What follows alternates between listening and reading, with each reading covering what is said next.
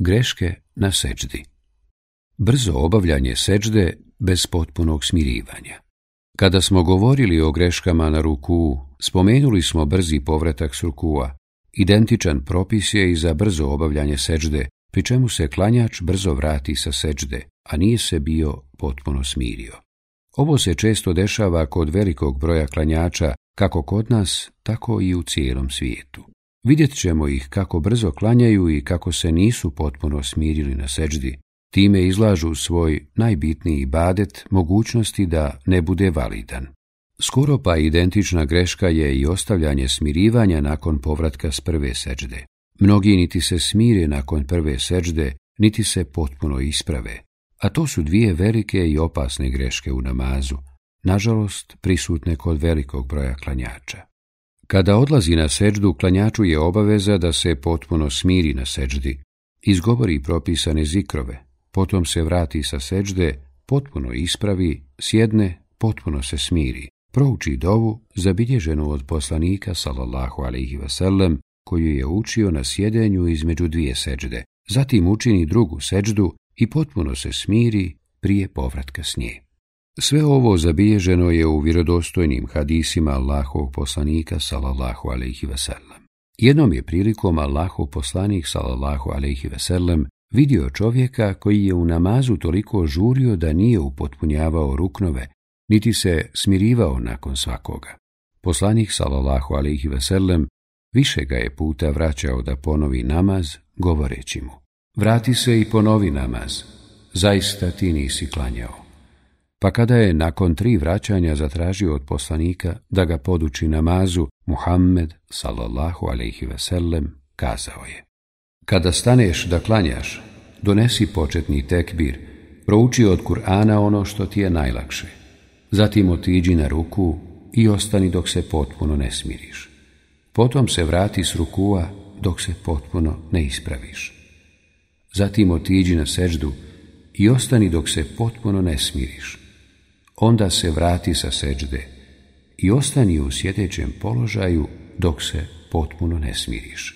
Potom ponovo učini seđdu i ostani dok se potpuno ne smiriš. I tako postupaj dok ne završiš s namazom. Bilježe Buhari i Muslim. Izostavljanje spuštanja čela ili nosa na tle prilikom obavljanja seđde. Primjetno je i da klanjači ne upotpunjuju seđdu na sedam dijelova tijela spomenutih u hadisima Allahovog poslanika, salallahu alaihi veselem. Sedam dijelova tijela na koje je obaveza činiti seđdu su čelo zajedno s nosom, dvije ruke, dlanovi, koljena i nožni prsti. Od Ibn Abbas radi Allahu Anhu prenosi se da je Allahov poslanik salallahu alaihi veselem kazao Naređeno mi je da seđdu činim na sedam kostiju, čelu, pa je svojom rukom pokazao na čelo, pa je svojom rukom pokazao na nos. Rukama, dlanovima, nogama, koljenima i krajevima nogu nožnim prstima. Bilježe Buhari i Muslim. Ovaj hadis jasno ukazuje na to da je obaveza seđdu učiniti na sedam dijelova tijela.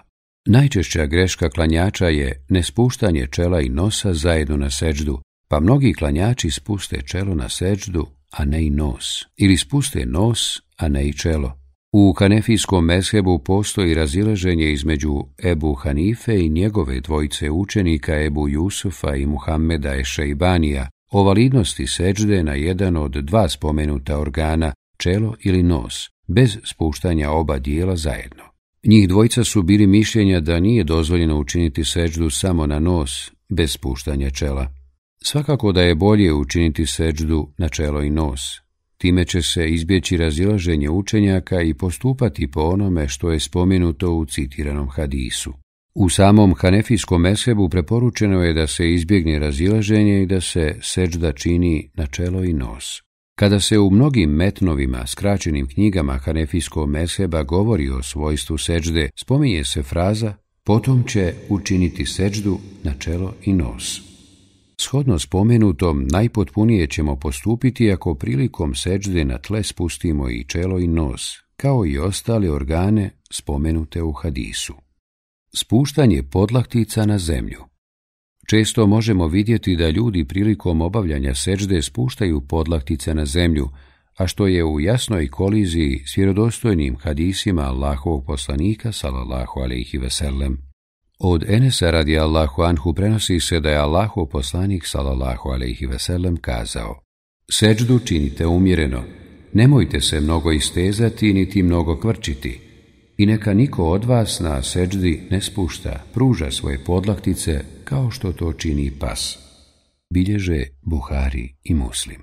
Komentarišući hadise o zabrani spuštanja podlaktica na zemlju tokom obavljanja sečde, poznati učenjak Hanefijske pravne škole Ibn Uđeim je kazao Spuštanje podlaktica na zemlju znači da se one tokom sečde spuste na zemlju, tako je spomenuto u Mugribu, a rečeno je da je taj postupak zabranjen jer je to svojstvo lijenih ljudi, te oponašanje divljih zvijeri i pasa. Iz ove zabrane proizlazi stroga zabrana haram jer ne postoji nešto što je spušta s nivoa harama na stepen mekruha. Također tačno je da je ovo općenit propis i da se sprem njega muškarci i žene ne razlikuju. Allahov poslanih salallahu alejhi i izrekao je jedan veliki hadis u poglavlju namaza i nije dozvoljeno izaći iz njegovog okvira osim na osnovu validnog dokaza. Ebu Sulejman Malik ibn Huveris radi Allahu anhu kazuje Došli smo kod Allahovog poslanika, salallahu alihi veselem, a svi smo bili mladići jednakih godina. Ostali smo kod njega dvadeset noći. Poslanik, salallahu alihi veselem, bio je milostiv i brižan, pa je pomislio da smo se zaželjeli svojih porodica. Upitao nas je o tome koga smo ostavili kod kuće od članova porodice. Kada smo ga o tome obavijestili, on reče, vratite se svojim porodicama, i ostanite kod njih. Podučite ih i pojasnite im dužnosti koje moraju obavljati. Te i te namaze obavljajte u to i to vrijeme. Kada nastupi vrijeme nekog namaza, neka jedan od vas prouči jezan, a neka vas u namazu kao imam predvodi onaj koji je među vama najstariji. Bilježe Buhari i Muslim. U verziji koju bilježi Buhari navodi se dodatak i klanjajte onako kako ste mene vidjeli da klanjam. Bilježi Buhari. Riječ je Allahovog poslanika, salallahu alihi vasallam, klanjajte onako kako ste mene vidjeli da klanjam, općeg su karaktera te obuhvataju i muškarce i žene, pa je i jednima i drugima naređeno da namaz obavljaju onako kako je to činio Allahov poslanik. Spomenut ćemo i da je veliki broj islamskih učenjaka smatrao da će žena prilikom činjenja seđde spustiti podlaktice na zemlju, jer je to, kako kažu, manje upadno za nju. Ovaj stav zastupali su između ostalih i učenjaci Hanefijske pravne škole. Trebamo znati da je to njihov ičtihad i pokušaj da dosegnu do istine, ali da na drugoj strani imamo jasan šerijetski tekst koji obuhvata i muškarce i žene, te nije dozvoljeno dati prednost nečijem stavu, mišljenju i ičtikadu ako je u suprotnosti s jasnim tekstom. Poznato šerijatsko pravilo glasi Ičtihad pokušaj iznalaženja pravnog rješenja nije validan ako o određenom pitanju postoji jasan šerijatski tekst. Hanefijski učenjaci odgovorili su imamu Maliku koji je zastupao stav da se podlaktice mogu spustiti na zemlju tokom na file dobrovoljnog namaza na način da je hadis zabrane općeg karaktera te da obuhvata i obavezne farz i dobrovoljne na fila namaze. Nakon toga su oni pod navodnicima pali u istu kontradiktornost pa su iz općeg propisa izdvojili ženu bez jasnog i vjerodostojnog dokaza. Bez obzira na to što preferira jedan stav i uvjeren je u njegovu ispravnost, Čovjek treba znati da je ovo pitanje jedno od onih o kojima učenjaci imaju oprečna mišljenja, stoga treba paziti kako će drugima pristupiti u pojašnjavanju svoga stava. Otkrivanje leđa prilikom činjenja sečde Otkrivanje leđa i gornjeg dijela stražnice prilikom činjenja sečde također je greška koju često možemo vidjeti kod velikog broja klanjača, naročito kod omladine u ljetnom periodu. Razlog tome je nošenje kratkih majica ispod kojih se ne nosi potkošulja. Kada smo govorili o greškama u uvjetima namaza, detaljno smo obradili ovo pitanje. Spomenuli smo da je avret muškarca u namazu dio tijela između pupka i koljena, te da je to obaveza pokriti. U protivnome dovodi validnost namaza u pitanje. U knjigama savremenih učenjaka kojima je postavljeno ovo pitanje spominje se opasnost ovog postupka. Nepoznavanje sunneta pohvalnih postupaka tokom sečde Vjernik bi trebao naučiti i praktikovati pohvalne postupke koji su propisani na seđdi, kako bi time zaslužio što veću nagradu i od zaborava otrgnuo spomenute sunnete. Riječi Subhanallahi el Azim izgovoriti lagano tri puta ili više, pa čak i do deset puta proučiti neku od mnogobrojnih dova koje je poslanik sallallahu alaihi veselem učio na seđdi. Ruke na zemlju spustiti tako da prsti budu skupljeni i okrenuti u pravcu kible. Učiniti da dlanovi ruke budu u razmaku širine ramena, a da čelo bude spušteno između ruku. Laktove podići od zemlje i odvojiti ih od bokova tijela, naročito ako insan klanja sam, kada time ne uznemirava nikoga, dok će u džematu odvojiti laktove od bokova, toliko da ne uznemirava onoga ko klanja do njega. Učiniti da tijelo tokom seđde ne bude prekomjerno ispruženo niti skupljeno, tako da stomak ne dodiruje stegno. Nožne prste saviti i okrenuti ih u pravcu kible. Stopala spojiti jedno uz drugo. Ako bi insan ostavio stopala na mjestu gdje je stajao i tako učinio seđdu bez spajanja stopala, nije napravio grešku ali je izostavio pohvalan postupak sunnet na seđdi. Za postavljanje potpunog smirivanja na sjedenju između dvije seđde. Dio namaza gdje je klanjaču stroga obaveza da se potpuno smiri je sjedenje između dvije seđde. Potrebno je učiniti prvu seđdu, zatim sjesti potpuno se ispravivši i smirivši, a nakon toga učiniti drugu seđdu. Mnogo je klanjača koji nikada nisu čuli da je Allahov poslanik salallahu alaihi veselem baš u tom sjedenju između dvije seđde učio određene dove, što ukazuje na to kako je polako klanjao Allahov poslanik i da se na sjedenju sasvim smirivao. Imam Buhari u svojoj čuvenoj hadijskoj izbirci Sahih Buhari naveo je poglavlje trajanje sjedenja između dvije seđde u kojem je spomenuo nekoliko hadisa koji ukazuju na to da je Allahu poslanik sallallahu alihi veselem običavao sjediti između dvije seđde. Od Bera ibn Aziba radi Allahu anhu prenosi se da je rekao Seđda, ruku i sjedenje između dvije seđde Allahovog poslanika sallallahu i veselem bili su približno iste dužine. Hadis bilježi ima Buhari. Od Enesa radi Allahu Anhu prenosi se da je opisujući poslanikov namaz kazao Kada bi Allahu poslanik sallallahu alaihi veselem kazao Semi Allahu hamide Ustao bi pa bi toliko dugo stajao da bismo pomislili da je zaboravio. A potom bi učinio seđdu pa bi toliko odužio sjedenje između dvije seđde da bismo pomislili da je zaboravio. Hadis bilježi imam muslim. Prethodni hadis. Hadis bilježi imam Buhari.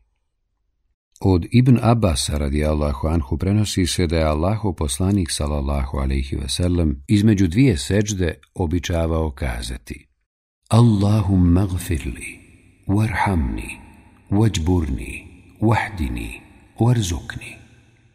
Gospodaru moj, oprosti meni, smiluj mi se, popravi me, uputi me i obskrbi me. Kad bilježi imam tirmizi. Od Huzeife radi Allahu Anhu prenosi se da je kazao Allahu poslanik sallallahu alihi veselem govorio je između dvije sečde Rabbir firli, Rabbir firli, gospodaru moj, oprosti mi, gospodaru moj, oprosti mi. Preziranje osobe koja pomjera kaži prst tokom sjedenja u namazu. Jedna od grešaka u namazu je i nepoznavanje propisa pomjeranja prsta tokom tešehuda, te uvjerenje da su oni koji to stalno čine na naše prostore donijeli neku novotariju i da se na njih insan treba srditi i njihov postupak prezirati. Da, učenjaci Hanefijske pravne škole smatrali su da se tokom učenja tešehuda šehuda kaži prst pomjera samo prilikom izgovaranja šehadeta, ali treba znati da u islamskom pravu postoje i drugi stavovi. Stalno pomjeranje prsta tokom učenja tešehuda po nekim učenjacima je sunnet, a svoj stav su potkrijepili dokazima iz sunneta Allahovog poslanika, salallahu alaihi veselem. Od Abdullaha ibn Omera radi Allahu anhu prenosi se da je kazao Allahov poslanik salallahu alaihi veselem kada bi sjeo u namazu stavio bi dlan desne ruke na desno stegno sve prste bi stavio a kaži prstom bi pokazivao u pravcu kible te bi dlan lijeve ruke stavio na lijevo stegno Hadis bilježi imam muslim Nafija kazuje Abdullah ibn Omer radi Allahu anhu kada bi sjeo u namazu, svoje dlanove bi stavio na koljena, a kaži prstom bi pokazivao u pravcu kible, gledajući ga. Potom je rekao, kazao je Allahov poslanik, sallallahu alaihi veselem, ovo pokazivanje kaži prstom teže je šeitanu od udarca željezom. Hadis bilježi Imam Ahmed. Koji god stav odaberemo i preferiramo, trebamo biti široko grudi prema onima koji ne dijele naše mišljenje. Oni žele slijediti sunnet baš kao i mi. Stoga je naučenima da ljudima pojasne da su to sporedna pitanja u kojima postoje meshepska razilaženja, te da ne smijemo biti namršteni i netrpeljivi prema drugima zato što praktikuju nešto što mi ne činimo ili pak to rade na drugačiji način. Spajanje obaveznih namaza s nafilom Na našem podneblju prisutno je klanjanje nafile neposredno nakon predavanja selama u farz namazu, bez pravljenja pauze između njih. Kada je u pitanju nafila prije farza, ona se neminovno razdvaja od obaveznog namaza učenjem i kameta, a što se tiče nafile nakon farza, od je da se napravi pauza između predavanja selama u obaveznim namazima i na file koja se klanja nakon njih. Prenosi se da je Muavija radi Allahu Anhu kazao Allahu poslanik, salallahu alihi veselem, naredio nam je da ne spajamo namaz s namazom sve dok ne progovorimo ili izađemo. Hadis bilježi imam muslim. Rekao je imam en nevevi. U ovom hadisu je dokaz za ono što tvrde naši učenjaci, misli na učenjake šafijskog mesheba, da je pohvalno prilikom klanjanja potvrđenih sunneta ili drugih nafila promijeniti mjesto na kojem je klanjan farz namaz. A najbolje pomjeranje je da insan ode kući ili se pomakne na drugo mjesto u mesčidu ili općenito neko drugo kako bi se povećao broj mjesta na kojima je insan činio seđdu i kako bi se napravila pauza, razmak između nafile i obaveznog namaza. Riječi poslanika, sve dok ne progovorimo, dokaz su da se rastavljanje između farza i nafile postiže i govorom, ali je pomjeranje bolje zbog onoga što smo spomenuli, a Allah najbolje zna. Rastavljanje farza i nafile može se izvršiti na nekoliko načina. Pod A. Zikrom tako što će insan sjediti nakon farza i proučiti zikrove koje je poslanik učio poslije namaza. Nakon završenog zikra klanjat će na filu. Pod B. Izlaskom iz džamije i klanjanjem na file kod kuće. Pod C. Razgovorom između klanjača. Pod D. Pomjeranjem s mjesta gdje se klanjao obavezni namaz. Islamski učenjaci spomenuli su dvije mudrosti rastavljanja na file dobrovoljnog namaza od farza. Da bi se povećao broj mjesta na kojima se čini seđda, jer će ona svjedočiti čovjeku na sudnjem danu. Da bi se razlikovao dobrovoljni namaz od farza. Istog razloga u islamu je u više situacija propisano rastavljanje dobrovoljnih ibadeta od obaveznih. Kazao je Ibn Tajmije, sunnet Pohvalno je rastaviti obavezni od dobrovoljnog namaza na džumi, ali i u drugim namazima, na osnovu onoga što je zabilježeno u sahihu da je poslanik zabranio da spajamo namaz s namazom sve dok ne progovorimo ili izađemo. Shodno tome ne treba činiti ono što radi mnogi, da spajaju predavanje selama s dva rekeata dobrovoljnog namaza. Time se jasno krši poslanikova zabrana, a njena mudrost je razlikovanje obaveznog i dobrovoljnog, kao što se razlikuje i badet od onoga što nije. Iz tog razloga propisano je požurivanje siftarom i odgađanje sehura, jedenje na dan Ramazanskog bajrama prije klanjanja bajram namaza, kao i zabrana da se dan dva prije Ramazana posti dobrovoljni post. Sve to propisano je kako bi se obavezni post rastavio i razlikovao od dobrovoljnog, te kako bi se i badet rastavio od onoga što to nije. Smatranje da je klanjanje na file dobrovoljnih namaza u džamiji općenito bolje nego klanjanje na file u kući, te preziranje onih koji nakon farza izlaze iz džamije. Dio klanjača vidno prezire to što neko nakon farz namaza izlazi iz džamije. Vjernik treba znati da se u džamiji prvenstveno klanjaju obavezni namazi, a da je dobrovoljne najvrijednije klanjati u kući. U više vjerodostojnih hadisa spomenuto je da je najvrijedniji namaz onaj koji se klanja u kući, osim farza koji se obavlja u džematu. Od Zejda ibn Sabita radi Allahu Anhu pripovjeda se da je Allahov poslanik salallahu alaihi veselem u Ramazanu imao odaju od pruća u kojoj je namaz obavljao nekoliko noći, a za njim su klanjali neki ashabi. Kada je saznao da neko obavlja namaz za njim, klanjao je sjedeći. Nakon toga je Allahov poslanik, salallahu alaihi veselem, izašao i kazao Shvatio sam šta ste činili. O ljudi, klanjajte u svojim kućama. Zaista je najbolji namaz onaj koji se obavi u kući, osim propisanih farz namaza. Hadis bilježi imam Buhari. Ovaj hadis jasno ukazuje na to da su dobrovoljni namazi vrijedniji kada se klanjaju kod kuće. U poznatom dijelu hanefijskog mezheba Elihtijar stoji. Sunnete, dobrovoljne namaze vrijednije je klanjati kod kuće, zbog riječi Allahovog poslanika alihi salatu Čovjekov najbolji namaz je onaj koji obavi u kući, osim farz obaveznih namaza. U poznatom i odabranom dijelu Hanefijskog mezheba El spomenuto je. Većinu sunneta i dobrovoljnih namaza bolje je klanjati kod kuće. To je preneseno, zabilježeno od Allahovog poslanika, sallallahu alaihi veselam. Uz ono što je spomenuto u vjerodostojnim hadisima, jedan od razloga zašto je Ulema smatrala da je vrijednije klanjati sunnete u kući jeste to što je takav način bliži iskrenosti, odnosno time insan čuva svoj namaz od pretvaranja. Kada klanja u džamiji postoji mogućnost da to čini da bi ga neko vidio, za razliku od namaza u kući, kada je ta mogućnost mnogo manja. Kazao je poznati alim hanefijskog mezheba Abdurrahman ibn Muhammed Šejhi Zade, poznat pod imenom Damad Efendi, u čuvenoj knjizi Međmeal Enhur. Sunnete dobrovolje namaze vrijednije je klanjati kod kuće, to jest da klanja u svojoj kući, a na taj način će biti udaljeniji od pretvaranja, rijaluka. Poznati velikan hanefijskog mesheba Ibn Abidin je, komentarišući riječi na file mimo teravije bolje je klanjati u kući, osim ako se insan boji da će ga nešto okupirati od toga.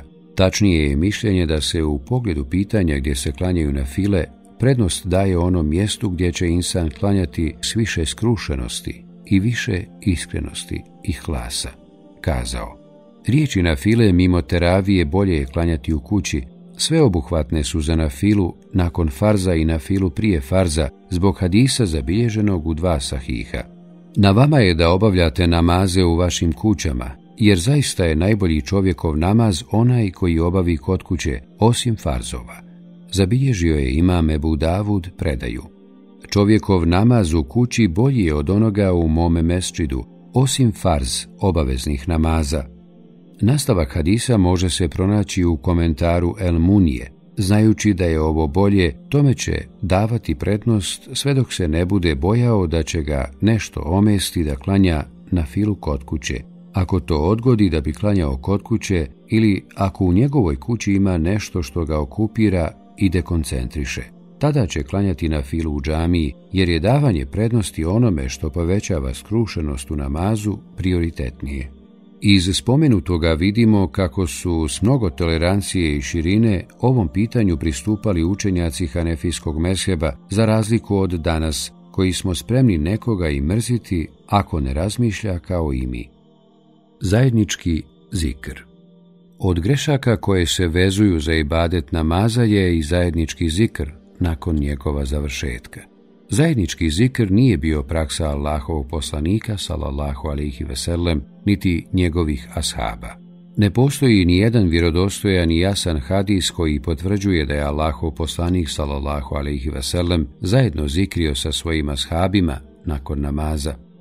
Koliko je samo Allahov poslanik alejhi alaihi veselem obavio namaza i da ne postoji nijedan hadis koji potvrđuje takvu praksu. Da je to bila njegova svakodnevnica kao što je danas kod nas, to bi zasigurno bilo preneseno mutevatir predajama. U vjerodostojnim hadisima Allahov poslanik salallahu alaihi veselem zabranio glasno učenje Kur'ana kako se ne bi ometali drugi u džamiji, pa kako onda shvatiti odobravanje da se zajednički zikri nakon namaza, a to je vrijeme u kojem ljudi klanjaju na filu, što im bez sumnje smeta. U knjigama savremenih učenjaka možemo pronaći odgovore na pitanja o zajedničkom zikru, u kojima spominju da je to novotarija i da to nije bila praksa Allahovog poslanika, salallahu alaihi veselem, niti njegovih ashaba nakon njegove smrti.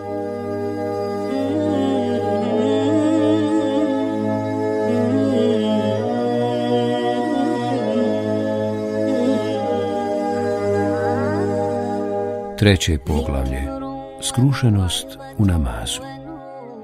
Skrušenost u namazu je srž namaza. Zato smo u ovoj knjizi posebno poglavlje posvetili ovoj temi, uzimajući u obzir da se na našem govornom području malo pažnje posvećuje skrušenosti. Žalosno je stanje muslimana koji se toliko raspravljaju o nekim sporednim stvarima u namazu, kao što je dizanje i mjesto vezivanja ruku, izgovaranje amin nakon proučene fatihe, pomjeranje prsta na tešehudu, a sve to su pohvalni postupci u namazu, a istovremeno ćete ih veoma rijetko ili nikako vidjeti da plaču u namazu i govori o skrušenosti i tragovima koje obavljanje namaza treba ostaviti na čovjeka i njegove svakodnevne postupke. Koliko mjesto zauzima skrušenost u namazu govori činjenica da su učenjaci ummeta pisali zasebna dijela o tome, imam Ibnul Kajim veliku pažnju u svojim dijelima posvećivao je upravo skrušenosti u namazu. Čuveni učenjak Hanbelijske pravne škole Ibn Ređep napisao je zasebnu studiju na ovu temu. Jedan od učenjaka savremenog doba, Seid El Kahtani, autor čuvene knjige Hisnul Muslim, napisao je opsežnu studiju o skrušenosti u namazu, El Hušufi Salah, skrušenost u namazu koja je štampana na više od 400 stranica, što ukazuje na opširnost i važnost ove tematike. Također poznati savremeni Ali Muhammed Salih al Munedžid nekada davno je objavio veoma korisnu brošuru 33 načina za skrušeno obavljanje namaza. Spomenute i mnoge druge knjige te lično iskustvo bit će glavni izvor koji ćemo koristiti za obradu ove teme. U ovom poglavlju ćemo govoriti o definiciji skrušenosti, propisu skrušenosti u namazu, vrijednosti skrušenog obavljanja namaza i mjestu skrušenosti u islamu, koristima koje proizlaze iz skrušenosti, upozorenju na ostavljanje skrušenosti u namazu, skrušenosti Allahovog poslanika u namazu, načinima i metodama povećavanja skrušenosti u namazu. Definicija skrušenosti Islamski učenjaci na razne su načine definisali skrušenost, što bi se moglo sažeti u definiciju. Skrušenost je prisutnost i strahopoštovanje ljudskog srca tokom obavljanja nekog ibadeta uzvišenom Allahu. Kazao je Ibn Ređeb, osnova skrušenosti je mehko i blago srce, smirenost i pokornost, poniznost i žudnja, pa kada srce bude skrušeno, u tome ga slijede svi ostali organi, jer sve slijedi srce. Iz spomenutog se može zaključiti da je osnova skrušenosti ljudsko srce, a da su tragovi toga vidni na ostalim organima. Kazao je Ibnul Kajim. Poznavaoci imaju jednoglasan stav da je mjesto skrušenosti u srcu, a da se njegovi plodovi vide na ekstremitetima. Propis skrušenosti u namazu. O važnosti iskrušenosti skrušenosti u namazu govori činjenica da ju je dio velikih učenjaka ummeta smatra obavezom. Mnogo je argumenata koje su spomenuli u prilog tome, a koji ukazuju na to da je skrušenost u namazu vađib obaveza, te da bi se klanjač trebao maksimalno potruditi da ga obavlja sa što većom koncentracijom i skrušenošću. Kazao je uzvišeni Allah. Pomozite sebi strpljenjem i molitvom, a to je zaista teško, osim skrušenima, koji su uvjereni da će pred gospodara svoga stati i da će se njemu vratiti. Sura El Bekare, 45. i 46. ajet. Govoreći o ovom propisu, Ibn Tejmije citirao je ovaj kuranski ajet kao dokaz da je skrušenost u namazu obaveza, pa je kazao Iz ovoga proizlazi kuđenje onih koji nisu skrušeni u namazu, a ako su pokuđeni oni koji nisu skrušeni, to znači da je skrušenost u namazu obaveza. To što su kazali da je skrušenost u namazu obaveza i da bi se klanjač trebao dobro potruditi da ga obavi što skrušenije, to ne znači da je namaz obavljen u nemaru i bez skrušenosti neispravan. Prema preferirajućem mišljenju takav namaz je validan, ali je izostanak skrušenosti uzrokovao umanjivanje nagrade.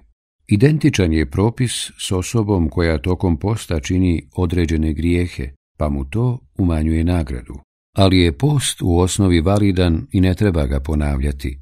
Od Ebu Hureyri radi Allahu Anhu prenosi se da je Allahov poslanik sallallahu alaihi wasallam kazao Koliko je postača koji od svoga posta imaju samo gladovanje i koliko je klanjača koji od svoga namaza imaju samo budnost i stajanje.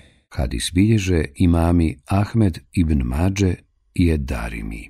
Komentarišući hadise ovog poglavlja, El Munavi je kazao To znači da neće imati nagradu, jer je izgubio uvjet postizanja nagrade kao što su iskrenost ili skrušenost. Ibn Kajim je govoreći o propisu namaza osobe koja većinu namaza ne bude skrušena, spomenuo da postoje dva stava među islamskim učenjacima, Jedni su smatrali da mu je obaveza ponoviti namaz, a drugi da mu je time umanjena nagrada, ali da je namaz ispravan i da mu nije obaveza da ga ponavlja, pa je i on odabrao i preferirao taj stav, dodavši da su dokazi prve grupe učenjaka također jaki. Vrijednost skrušenog obavljanja namaza i mjesto skrušenosti u islamu.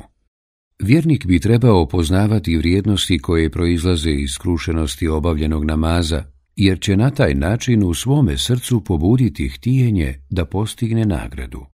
Skrušeno obavljanje namaza u kojem se insan ne prepusti šeitanskom došaptavanju, razlog je oprosta grijeha. Bilježi se od Osmana radi Allahu Anhu kako je tražio da mu se donese voda za abdest, potom ju je po rukama polio tri puta, pa ih je oprao. Zatim je desnom rukom zahvatio vode iz posude i oprao usta i nos.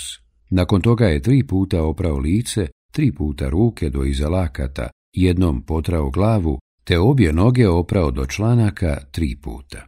Zatim je rekao, vidio sam vjerovjesnika sallallahu alaihi veselem kako se ovako abdesti i kaže, ko se ovako abdesti, a onda klanja dva rekata, ne prepuštajući se šeitanskom došaptavanju, bit će mu oprošteni priješnji grijesi. Bilježe Buhari i Muslim.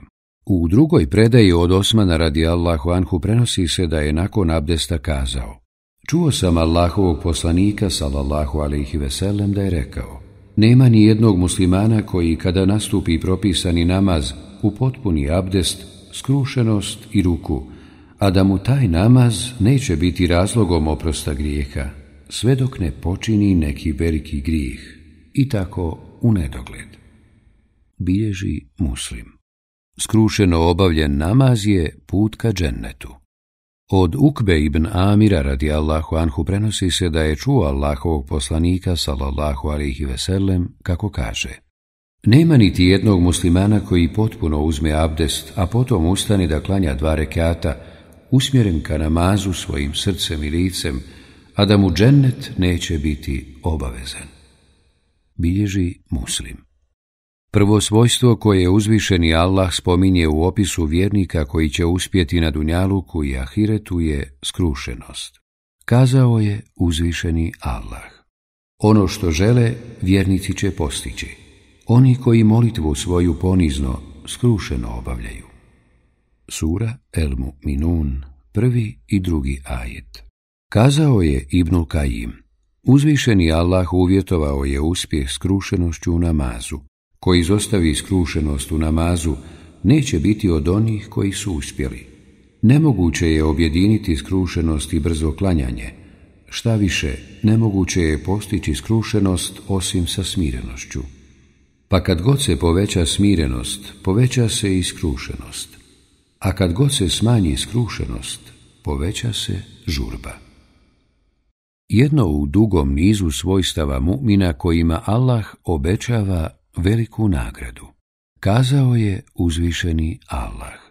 Muslimanima i muslimankama, i vjernicima i vjernicama, i poslušnim muškarcima i poslušnim ženama, i iskrenim muškarcima i iskrenim ženama, i strpljivim muškarcima i strpljivim ženama, i poniznim muškarcima i poniznim ženama i muškarcima koji dijele zekat i ženama koje dijele zekat i muškarcima koji poste i ženama koje poste i muškarcima koji o svojim stidnim mjestima vode brigu i ženama koje o svojim stidnim mjestima vode brigu i muškarcima koji često spominju Allaha i ženama koje često spominju Allaha. Allah je doista za sve njih oprost i veliku nagradu pripremio.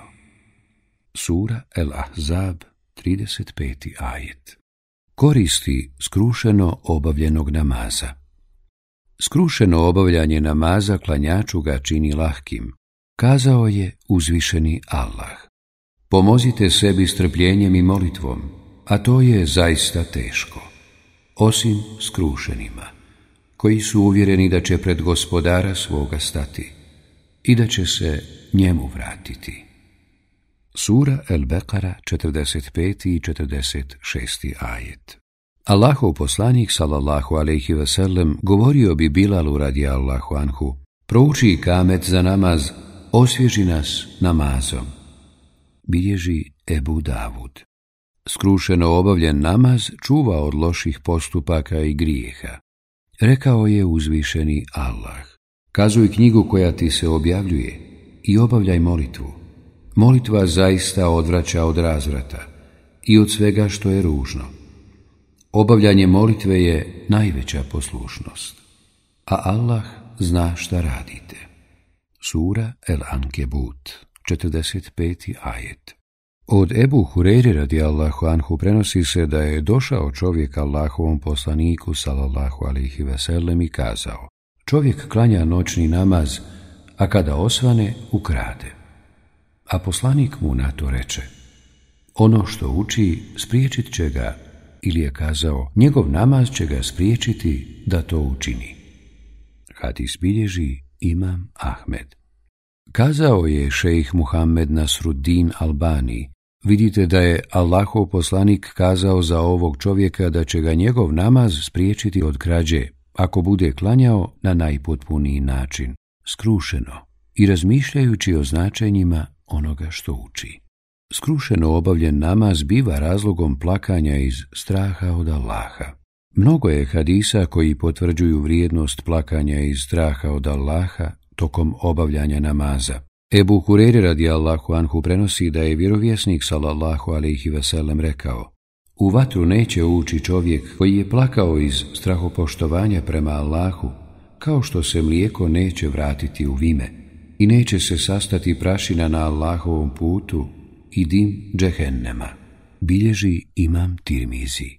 Ebu Hureyre radi Allahu anhu prenosi da je vjerovjesnik sallallahu alaihi veselem rekao Sedmoricu će Allah staviti u svoj hlad na dan kada neće biti drugog hlada osim njegovog, pravednog vođu, mladića koji odraste pokornosti uzvišenom Allahu čovjeka čije je srce vezano za džamiju, dvojicu koja se zavole u ime Allaha, radi njega sastaju i rastaju.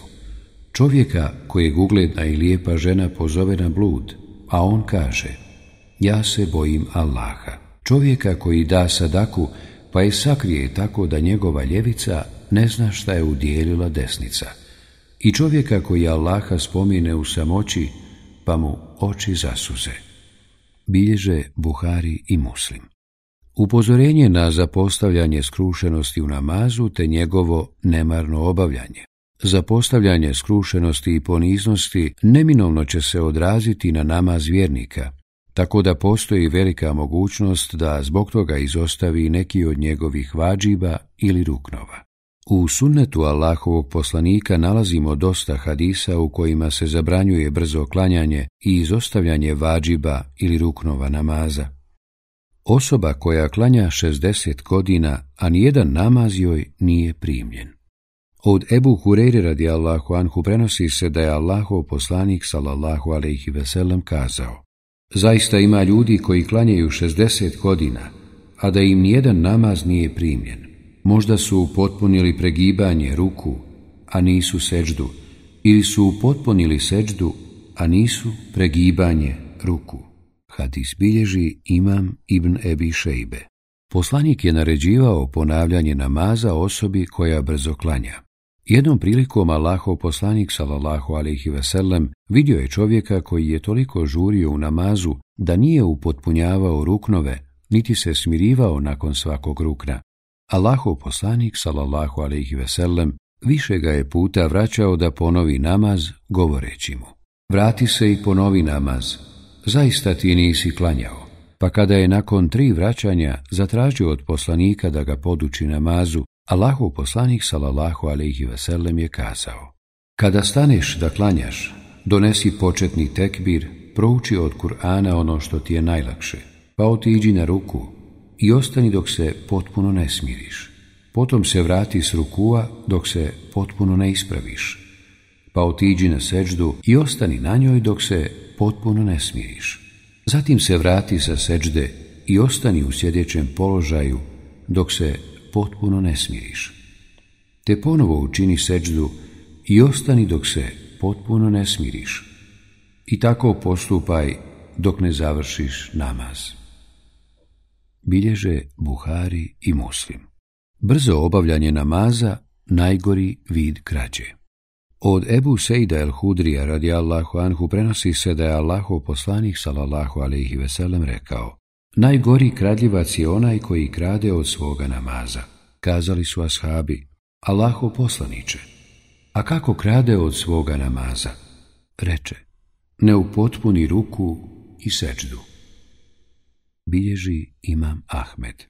Kolika skrušenost u namazu, tolika i nagrada.